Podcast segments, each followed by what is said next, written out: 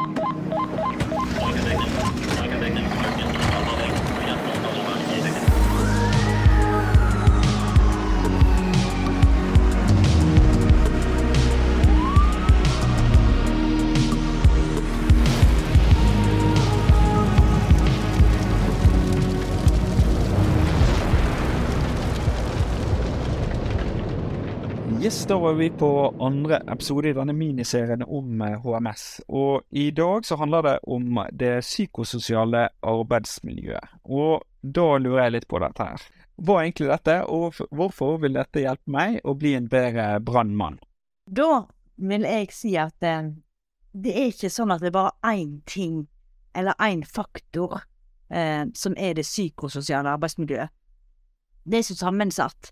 Sant? Jeg kan ha verdens mest stressende jobb, men så har jeg så utrolig gode kollegaer, jeg elsker jobben min, så da er ikke det noe problem. Men så kan det være at jeg har det forferdelig kjipt på vaktlaget. Eh, vi har ikke noe prat, det er ikke noe samhold. Og da smitter jo det ut Da smitter det på hendelsene jeg er ute på. Sant? Jeg klarer ikke å gjøre en så god jobb som jeg ellers ville gjort. Eh, jeg klarer ikke å, hva skal jeg si, være den jeg egentlig er. Så kort og greit, da, så er det psykososiale arbeidsmiljøet det er en blanding av eh, de mellommenneskelige, de sosiale eh, og de organisatoriske forholdene på jobben vår. Så at alt som påvirker de helsa og mi helse, og din arbeidsevne og min arbeidsevne. Og så er det òg sånn at det fysiske arbeidsmiljøet kan òg smitte over på det psykososiale. Så det, det er klarer liksom aldri helt vite hva er det egentlig. Det er, det er så sammensatt, på en måte. Og her er det trygt på jobb. Her er det godt psykososialt, så hjelper det meg å bli en bedre brannmann. Enkelt og greit. Eh, men opplever jeg, sant, mye konflikter på jobb, mobbing, baksnakking, eh, utestenging da blir det veldig ofte dratt med når jeg skal gjøre en jobb. Så enkelt er det. Ja, altså jeg har jo opplevd selv da at uh, det, det, er jo et veldig macho-yrke, sant. Altså, det er jo ikke uh, Vi gutter er vel kanskje ikke alltid like flinke til å inkludere hverandre, eller på en måte bli kjent, da. Uh, så, så, så, jeg føler liksom sånn Det å på en måte bli ivaretatt og inkludert, og på en måte få skapt en trivsel for en som er ny i jobben, det er veldig avgjørende for å på en måte prestere tidlig, da etter hvert så, så vil jo du kanskje løsne seg, da, men, men det, det er jo ingen garantier for det. Men det, det å, å, trives på jobb er jo helt avgjørende for å, å prestere på jobb. Det er alfa og omega. Eh, men jeg tror òg at eh, det du sier at, at, gutter var macho, men jeg tror like mye Nå har jeg aldri jobba på en, en kvinnearbeidsplass. Men de av mine venninner som jobber på en kvinnearbeidsplass, eh, de sier jo at det kan være vel så gale så, så på en mannsarbeidsplass der du har det mikset, sant, så det går jo mye på eh, hvem vi er som personer, tror jeg.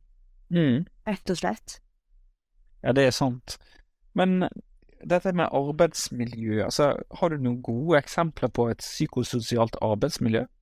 Ja, eh, da kan vi si, du sa det vel egentlig, men eh, stress, konflikter, eh, mobbing, trakassering, eh, dårlig samhold. Det er noe som gjør at vi får et dårlig psykososialt arbeidsmiljø.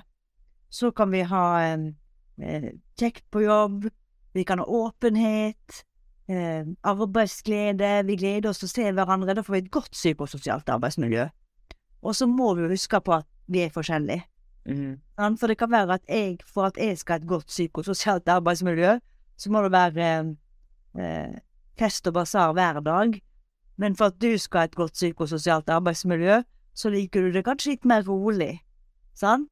Men det er jo dette her eh, Det går jo på hver og en sin hva si, oppfattelse av å bli sett og hørt og føle oss trygge. Enkelt og greit. Ja.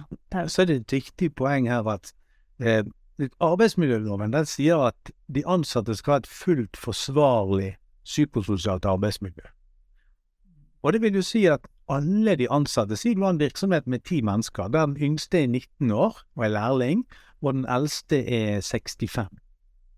og så har du alt midt imellom. Og folk har forskjellige interesser. Noen har familie, noen har ikke familie. Noen liker å spille eh, heavy metal-musikk på full guffe når de er på jobb. Andre de eh, liker ikke å høre noe som helst. Noen er litt sånn eh, distingverte og, og, og, ikke så veldig sosiale, mens alle er hypersosiale. Da skal det være et godt psykososialt miljø for alle de. Så her er liksom kommunikasjon og, og felles forståelse for andres behov og ønsker, det er veldig viktig. Du, du, kan ha en sånn arbeidsplass der du har et voldsomt spenn i, i si, typer som jobber sammen. Noen gamle, noen unge, noen er sånn, noen er sånn. Noen er utadvendt, noen er håper jeg, innadvendt. Eh, men du kan ha et veldig godt psykososialt arbeidsmiljø likevel. Det å respektere hverandre, og det å inkludere hverandre, det er utrolig viktig. Og det at folk får rom til å være seg sjøl, det er veldig viktig. Der tenker du inne på det. Altså, å, være seg sjøl, det er liksom hvis, den, hvis man på en måte seg sjøl blir litt sånn undertrykt, da, så, så, så, klarer man på en måte ikke å, frie seg sjøl og ha det bra da, på jobben. Og så er det dette her med hvor, hvor går liksom grensen til å si at det er et dårlig psykososialt arbeidsmiljø? Eh, vi må tolerere at folk er forskjellige. Vi må tolerere at noen er unge og noen er gamle, noen liker å høre på heavy metal når de, spiller, eh, når de jobber på full guffe, men kanskje vi ikke skal akseptere det. Kanskje de må respektere at vi ikke liker å bli eksponert for heavy metal hele tiden. Jeg liker heavy metal sjøl, det er ikke det, men det var bare et eksempel. Um, så litt sånn felles forståelse og gjensidig respekt. Det er liksom nøkkelordet. Men så kan du også ha det at du har for eksempel et fysisk arbeidsmiljø som er så dårlig at det går utover det psykososiale. Folk begynner å snakke sammen og klage. 'Ledelsen gjør ikke en dritt', og 'vi blir utsatt for dette, det er så forferdelig'. Og det kan være berettiget, det. Veldig ofte er det berettiget. Da gjelder det også å kommunisere Si til ledelsen at dette ikke vi er fornøyd med. For eksempel i en kartlegging, i vernerunde, en spørreundersøkelse, eh, melde det inn som avvik til verneombud eller i avvikssystemet, si det til verneombudet, si det til tillitsvalgte, si det rett til lederen, og så gjelder det å gjøre noe med det. Ja, og så er det jo òg åssen vi sier det. Vi kan ha to ansatte, vi. Eh, det kan være du og Eivind, som er lederen vår, og så har du Paul og meg. Eh, vi har samme HMS-utfordring, samme ting vi vil snakke med deg om, eh, men jeg legger alt fram der Du veit at jeg alltid er bare klager. Jeg er sur, jeg er bitchete, som ungdommen sier, sant? Eh, jeg eh, klarer ikke å høre på de rundt meg, jeg vil bare ha mine ting fram, og jeg vil at du skal ordne opp med en gang. Så kommer Paul. Han er saklig, han forstår hva respekt er. Han sier det på en fornuftig måte, han legger gjerne fram en forslag til en løsning. Hvem er det du faktisk vil høre på av meg og han? Selv om vi kommer akkurat samme Ja, det er han. Vi kommer akkurat samme utfordringen, men selvfølgelig blir det han du hører på. Og sånn skal det være. Det, det er det vi snakker om, liksom det her med medvirkningsplikten. Og det kommer vi tilbake til. Men det har jo med det å gjøre. Jeg har en medvirkningsplikt for at du som min leder skal ha en god dag på jobb, like mye som at Paul som er min kollega skal ha en god dag på jobb. Og da har det med åssen legger jeg fram ting. Mm. Og det er litt sånn der, eh, sånn som vi har det i brannvesenet. Altså, tenk trykktall. Altså, du må jo faktisk tenke gjennom det du sier, og, og faktisk bare liksom presentere det på en, en, en, lettfattelig måte, sånn at mottakeren forstår det som, eh, som blir lagt fram, da. Og kanskje presen, eh, altså presentere en løsning på dette, sånn at du får på en måte noe de kan ta tak i, og noe de kan jobbe med, rett og slett. da. Og jeg tenker òg at eh, alt går jo på folkeskikk. Ja. det er jo det det går på. Så kan folk si at ja, men åssen definerer du folkeskikk, da? Vi skjønner alle hva som ligger i folkeskikk. Yter jeg god folkeskikk på jobb, så får vi òg et bedre psykososialt arbeidsmiljø. Enkelt og greit. Det er jo egne, der er en egen paragraf i arbeidsmiljøloven faktisk, som stiller krav til det psykososiale arbeidsmiljøet. Såpass viktig er er en egen bestemmelse i loven. Og det er som jeg nevnte det før, det er krav om at eh, ansatte skal ha et fullt forsvarlig psykososialt arbeidsmiljø. Og da er det noen sånne stikkord. Det er dette med gjensidig respekt. Også for eksempel som eksempelet som Karine kom med, når vi går til lederen med en utfordring, med et problem. Eh, vi må respektere at lederen har jo en jobb å gjøre. Lederen har et budsjett. Lederen har krav. Lederen vet gjerne om det. Lederen har gjerne gjort mye for å løse den utfordringen. Og så kommer vi bare og klager. Da gjør jo ikke vi arbeidshverdagen til lederen så veldig enkel. Men hvis vi tenker at vi har en utfordring, som vi samarbeider om å løse den, så går det egentlig mye greiere. Som regel gjør det det. Og da kommer vi tilbake til det som vi snakket om i forrige episode, om at eh, når man sitter seg ned sammen rundt et bord, vernetjeneste, ansatte, ansattrepresentanter, altså tillitsvalgte, AMU-medlem, eh, ledere, avdelingsledere, brigadeledere, hvem det nå er, at man sitter seg ned, folk med forskjellige hatter, folk med forskjellige roller, så ser man veldig ofte det at alle er egentlig klar over hvor skoen trykker. Og hvis ledelsen ikke er klar over hvor skoen trykker, så kan ikke de ansatte bare si det ja, men dette må dere fikse. Ja, men vi visste ikke det var en utfordring. Det er ingen som har kommet og sagt det før i dag, sant? Så det er veldig viktig at de som ser problemet, faktisk melder det inn. Og ikke bare, bare melde det inn, men fortsette å melde inn, selv om kanskje det ikke blir oppfattet, liksom, eller Altså, du må på en måte sørge for at mottakeren har mottatt budskapet, at han har forstått det, og ikke bare gi opp eh, selv om det ikke gikk den ene gangen. sant? Altså, det kan jo selvfølgelig Det kan jo f.eks. være at det ikke er lederne sin feil at de ikke fikk gjort noe med det. Man må fortsatt være flink og medvirke til positiv endring på arbeidsplassen. Det som veldig ofte skjer, at vi sier det i forbifarten, sant. Du, far skulle pumpa virker ikke, den funker ikke, nå virker ikke denne gangen heller, sant. Jeg da, som leder eller som verneombud, eh, får ikke det med meg gjerne, sant, for det er så masse andre beskjeder. Så vi er nødt til å melde det skikkelig inn, og så du sier, fortsette å gi beskjed om det. Og da er jo egentlig stikkordet avvikssystemet vårt. Bruker vi det, og bruker vi det for alt det er verdt? Det er jo gull opp mot de som sitter på pengesekken. Hvis jeg kan vise til at vet du hva, de siste seks månedene, så er det faktisk åtte ganger denne pumpa ikke har fungert som den skal. Sant? Eller de siste se seks månedene, så det er fire ganger ikke vi har fått start på bilen. Det du sier der, det er egentlig det, det er litt sånn kjerne når det gjelder eksempel når vi utarbeider risikovurderinger, om det er brannvesenet eller andre virksomheter. Eh, når, du, når, du, skal finne ut hva risiko er en virksomhet, så må du hente informasjonen fra en plass. Hvis man aldri registrerer avvik, hvis man aldri melder fra om ting som ikke er som de skal være, så er det veldig vanskelig å dokumentere det. Da kommer politikere eller administrasjon eller styre eller representantskap og sier ja, men dere skriver i denne risikovurderingen eh, at dette er en utfordring. Ja, hvor har dere det fra? Nei, altså, de sier at det er en stor utfordring nå. Eh, ja, men hvis det er en så stor utfordring, så har jo de meldt inn som avvik, så da kan vi bare vise til avvikssystemet. Eh, ja, de har faktisk aldri meldt inn i avvikssystemet. Ok, da må du vente til neste budsjettrunde. Så, så, brutalt er det faktisk. Så det å melde inn ting som ikke er som de skal være, utrolig viktig. Og så vil jeg si en ting til. I dag er det, i hvert fall for brannvesen sin del, det er mye, mange flere IKS-er. Det har kommet IKS-er. Da sitter gjerne ledelsen en annen plass, i en annen by, på en annen brannstasjon det er veldig vanskelig for de å vite hva som rører seg, og hva utfordringen er på en utestasjon flere mil vekke. Og Da er det enda viktigere å synliggjøre dette ved å rapportere det inn i for eksempel et avvikssystem. Og hvis man ikke har et fungerende avvikssystem, eller man ikke vet hvordan det fungerer, så må man si fra om det, for det er jo et avvik i seg sjøl. det har vi sett eksempler på, at eh, vi har tatt kartleggingsundersøkelser, eller vi har sett på vernerunder. Masse punkter. Aldri kom fra. Et av punktene har gjerne vært at ja, vi har jo ikke et avvikssystem. Og så sitter det noen i et annen by i, som drifter avvikssystemer, og sier ja, vi har et kjempebra avvikssystem.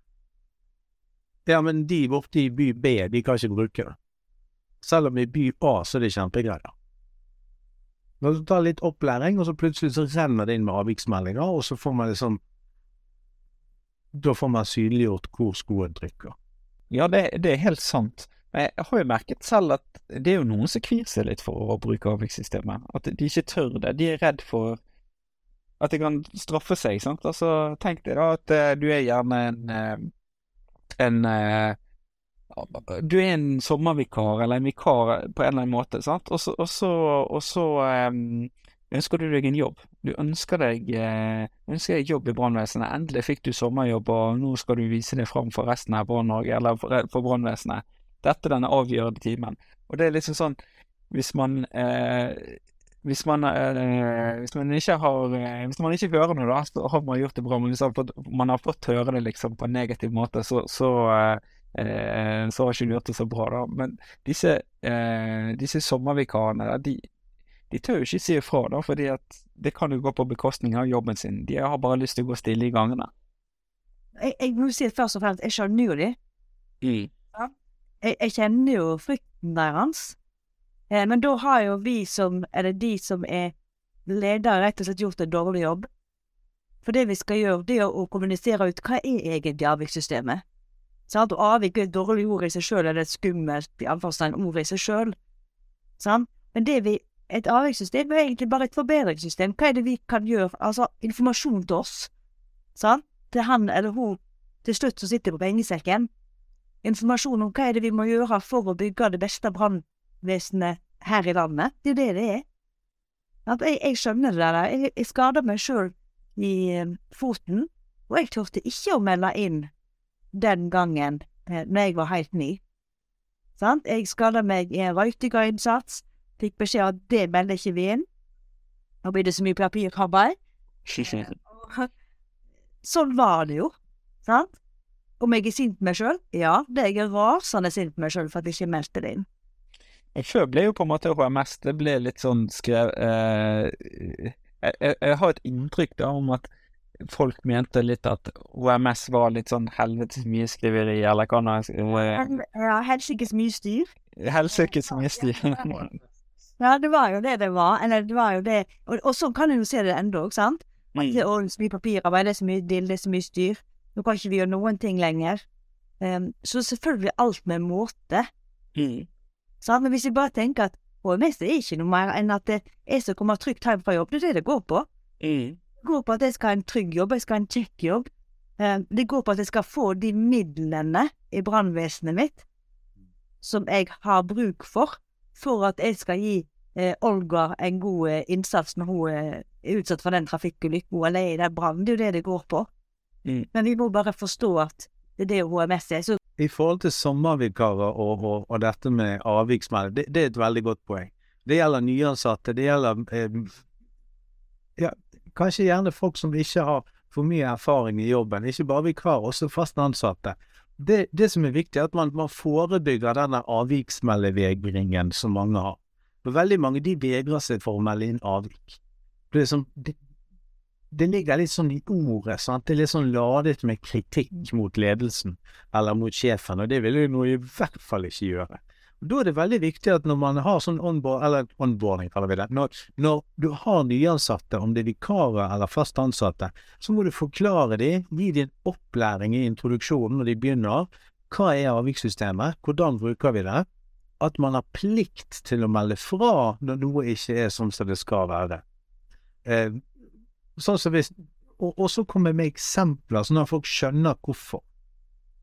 For eksempel, hvis du er ute på en innsats, og det er hull i slangen, og alt vannet går ut, da må du melde det inn. Ellers risikerer du at dere avslutter innsatsen, ruller sammen slangene, legger dem på bilen. Neste gang du skal ut, så får ikke du slukket brann for det hull. Hvis du visste om det, så er det faktisk ganske alvorlig. Det, det, er en forsømmelse på din side, så du må melde inn avvik. Da kan du ta eh, liksom brodden av det med å melde inn avvik. Så vil det selvfølgelig være avvik som kan være vanskeligere å ville melde inn. For eksempel hvis du har en kollega, eller hvis du er sommervikar, da, og så har du en kollega som eh, gjør noe han eller hun ikke skal, eller som er ufin, eller som mobber. Det kan være mye verre å. Mm. Ja, det virker veldig tungt da, å, å, ta disse her personsakene. Men bare for å kommentere det du uh, også i forhold til det med, med disse nyansatte, da. Altså, her er det ny- eh, folk med nye øyne. En Ja. unik mulighet for å, å, å komme med en mulighet Altså, folk kan se på ting på en ny måte og komme med en ny Altså, det er jo en metode for å drive kontinuerlig forbedring og få nye øyne inn for å, å, å avdekke mulige feil og mangler. Og det er jo noe virksomheten skal gjøre. Man skal drive et, et, et, kontinuerlig forbedringsarbeid. Det skal alle virksomheter gjøre. det. Så hver ny person er egentlig gull. Det er sånn vi kan tenke det. Men vi er nødt Folk tenker at oi, nå, nå, skal jeg, nå kommer jeg med kritikk hvis jeg sier at det er hull i den slangen. Nei, det tør jeg ikke. Men hvis du da har fått vite at du er en, du er en viktig del av teamet når du er ute, og hvis du ser noe som er feil, så må du melde det inn, ellers så kan det få konsekvenser. Så vi Du skal melde inn, og vi blir veldig glad når folk melder inn. Selvfølgelig, hvis du da har en leder som sier 'Å, herregud, er bare syting og klaging', Uff, helt dumt. Selvfølgelig, da skjønner jeg det, men ledelsen må vise at de er interessert i at folk melder inn avvik. Har vi snakket oss litt vekk fra det psykososiale, men det, Det gjør vi. Ja, men det, jeg føler det er litt sånn Altså, for, I det psykososiale arbeidsmiljøet så, så må jo man på en måte ha muligheten til å, å, øh, å melde ifra og, og, og gi beskjed, liksom. Og hvis ikke det er rom for å gi beskjed, så har man ikke et godt psykososialt arbeidsmiljø. Og Og, utover det psykososiale arbeidsmiljøet. Mm, da blir du på en måte utrygg. Sant? Altså, for å få altså, noe som kan påvirke dette psykososiale arbeidsmiljøet positivt, det er å ha en støttende og en rettferdig ledelse som på en måte tar tak i disse her eh, avvikene. Og så må ledelsen være glad når de har engasjerte, motiverte medarbeidere som sier fra når ting ikke er som de skal. Så Ja, for det- sier fra ja. når ting er som de skal òg, at man ikke bare er negativ. Ja, for der òg er vi veldig fort eller raske til Det er viktig òg. å glemme det. Ja. Ja, for det verste jeg vet på, i brannvesenet, det er folk som ikke bryr seg, rett og slett. Litt, litt sånn der, eh, gitt litt opp. Har mistet litt den der eh, eh, Ja, piffen. Litt sånn der eh, de, de de menneskene som virkelig brant for å være brannmann, da. Og så, og så har de bare tatt, helt bro, tatt brodden ut av det, og ut av personen, og bare mistet det, da. Jeg, jeg syns det jeg får, Det er litt sånn Jeg får et litt sånn hjertesukk, da, at så, så skal jo ikke det være, sant.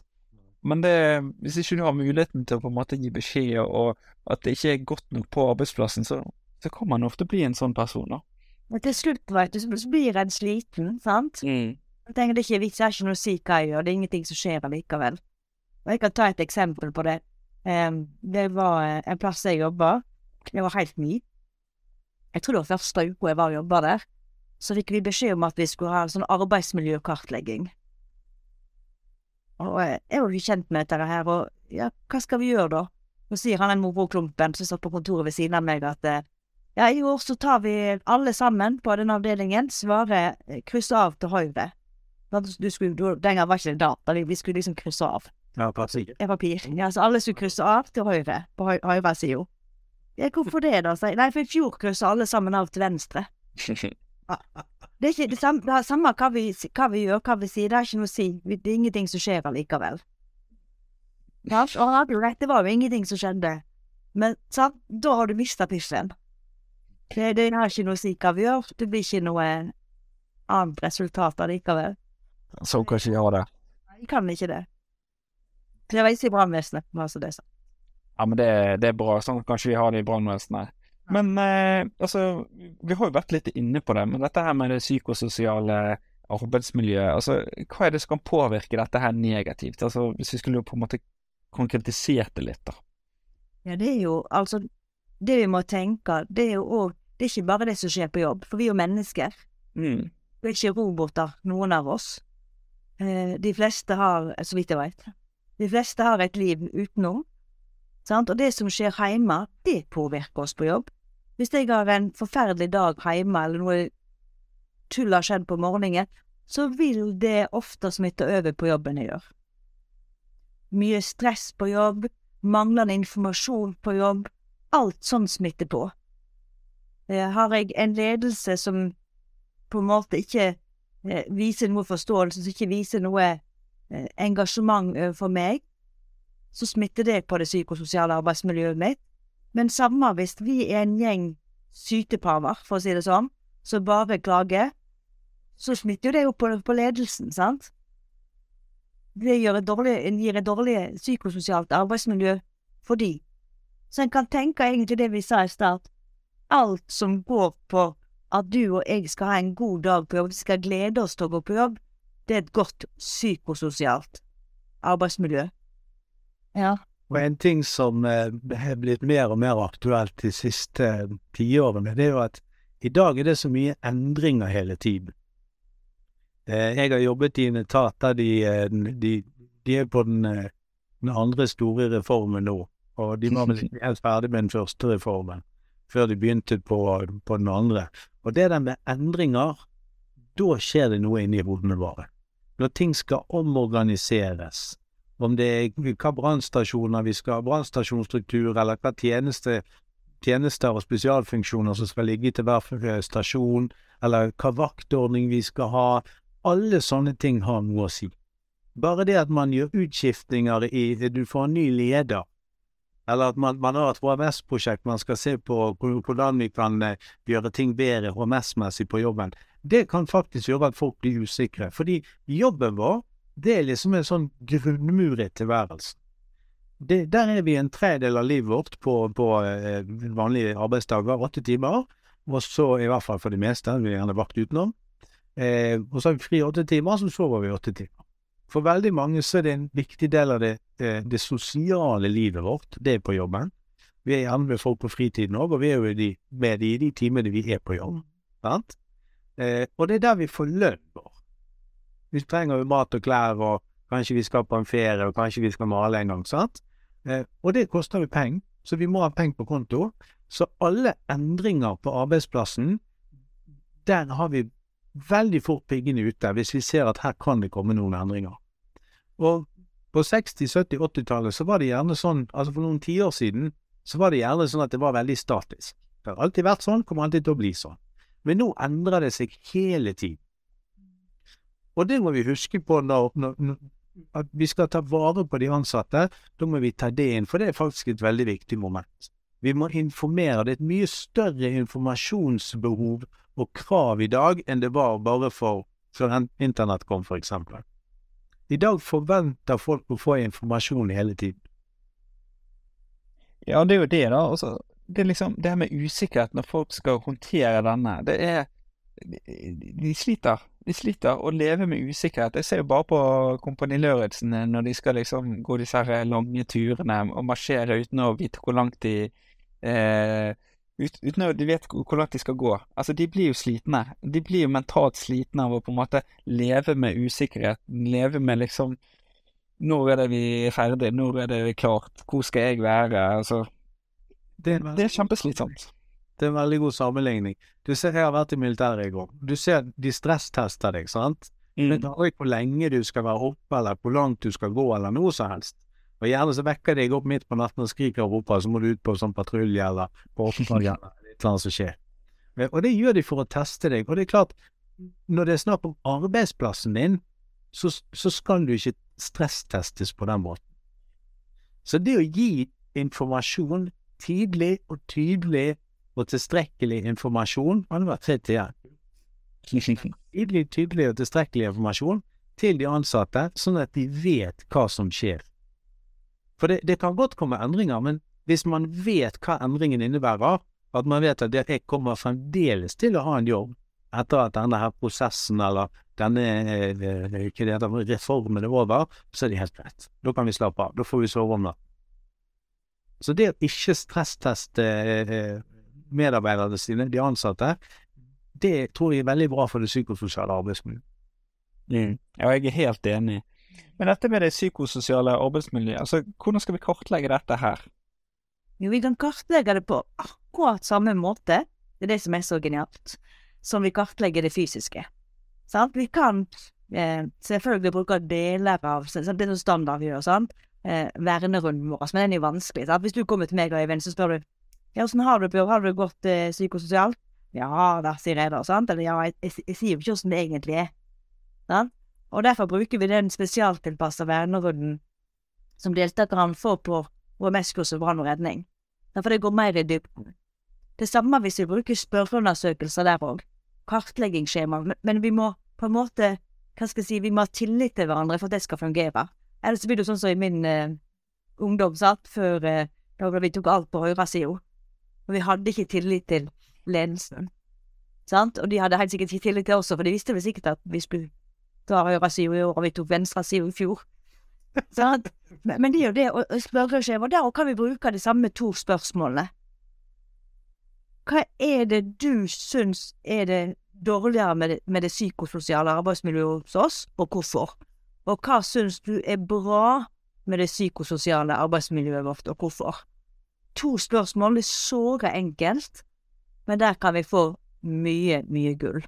Rett og slett. Det er dette her med eh, hvordan kan vi kartlegge det psykososiale arbeidsmiljøet. Vi har jo snakket om HMS-dag i forrige episode. Eh, vi ser det når vi har HMS-kurs eh, for, for brannvesen, og også for andre. Da sitter vi gjerne i grupper. Si du har 25 mennesker på et HMS-kurs. Eller hvis du har 25, men- eller 50 ansatte på en HMS-dag. Og så har du lederen som står og forteller og snakker, eller kursholderen. Eh, og så spør ja, hva eh, psykososialt, hva tenker dere? Det- Så kanskje en eller to, og det er alltid de samme som rekker opp hånden. Men hvis du setter folk i grupper, Yes. sier at ok, nå tar vi tre og tre. Oppgaven står frem på tavla eller på, på skjermen. For eksempel, hvordan kan dere få et bedre psykososialt arbeidsmiljø på jobben? Eller hva har dere, nei, hva utfordringer har dere i forhold til psykososiale arbeidsmiljø i dag? Og så sier ikke du, så spør ikke du hele gjengen, for det er det mange som ikke vil si noe, fordi der sitter sjefen og sommervikaren, og ikke si noe, og verneombudet er kanskje røyke uklar med noe, altså, sant? Men hvis du setter tre og tre sammen, da sitter folk og snakker. Da må du faktisk be noen om at dere må gå der, du må sitte der, du må der, dere må på det rommet, og da går praten. Og du sier ja, vær tilbake her om en halv time. Kan bare glemme at de er tilbake etter en halvtime. Etter en halvtime så liksom, ja, kan du gå inn og hente de, og så Søren og Jens de der inne, Anita de, de der. Så må du bare hanke folk inn. Og så spør jeg, ja, hva kom dere? Ja, eh, vi, ble, vi, vi kom ikke nå, vi ble ikke ferdig, vi. For de har så mye å snakke om. Så det å sette folk i mindre grupper, det er sånn must.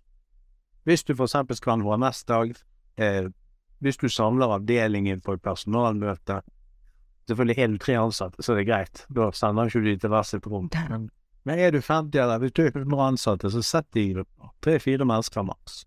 Og så er det at når, når vi gjør det på den måten der, eh, så får vi så mye Ta, ta da for eksempel hendelsen mobbing, da. Hva gjør vi hvis det skjer mobbing hos oss, eller utfrysing? Når vi gjør det der i lag, så, så er det så preventivt. Det høres så rart ut, men det er utrolig preventivt. Tro meg at de har det i bakhodet neste gang. Ja, det handler jo litt om det her med bevisstgjøring. sant? Altså Hvis man begynner å snakke om det, så, så, så tenker, har man- det litt eh, Altså, da har man det litt ekstra trygt inn i bakhodet, for å si det sånn, da. Ja, du har det. Enkelt og greit. Jeg, har lyst til å ikke ha tid til deg, men jeg, jeg har Og kom igjen, bare kom igjen. OK, OK, da tar jeg det. tar jeg det, tar jeg det. Kjør på. Ok, her kutter du meg. For det var en eh, type som fortalte meg om Sokrates tre sikter. Har du hørt om den historien? Nei, det har jeg ikke. Eh, han fortalte Hva, Altså en sil? Det er en sikt... Ja, sil, da. Å, jeg sikter Ja, OK. Ja. Sil, ja, sil. Sil. Ja. De tre sil, silene, de tre silene. Sant? Har har fortalt eh, denne historien. Og han er dessverre ikke her nå, for han omkom sjøl, tragisk nok, i arbeidsulykka. Eh, men eh, jeg har alltid med det arket med Sokrates tre sikter på alle kurs jeg har, og jeg håper alle kan ta det i bruk. Jeg har gjort han litt om til arbeidsmiljø, da, men la meg, ta han. Det kom en gang en mann til Sokrates, og så sa han, du, du, du, Sokrates, jeg er nødt til å få lov til å fortelle deg noe om en kollega av deg.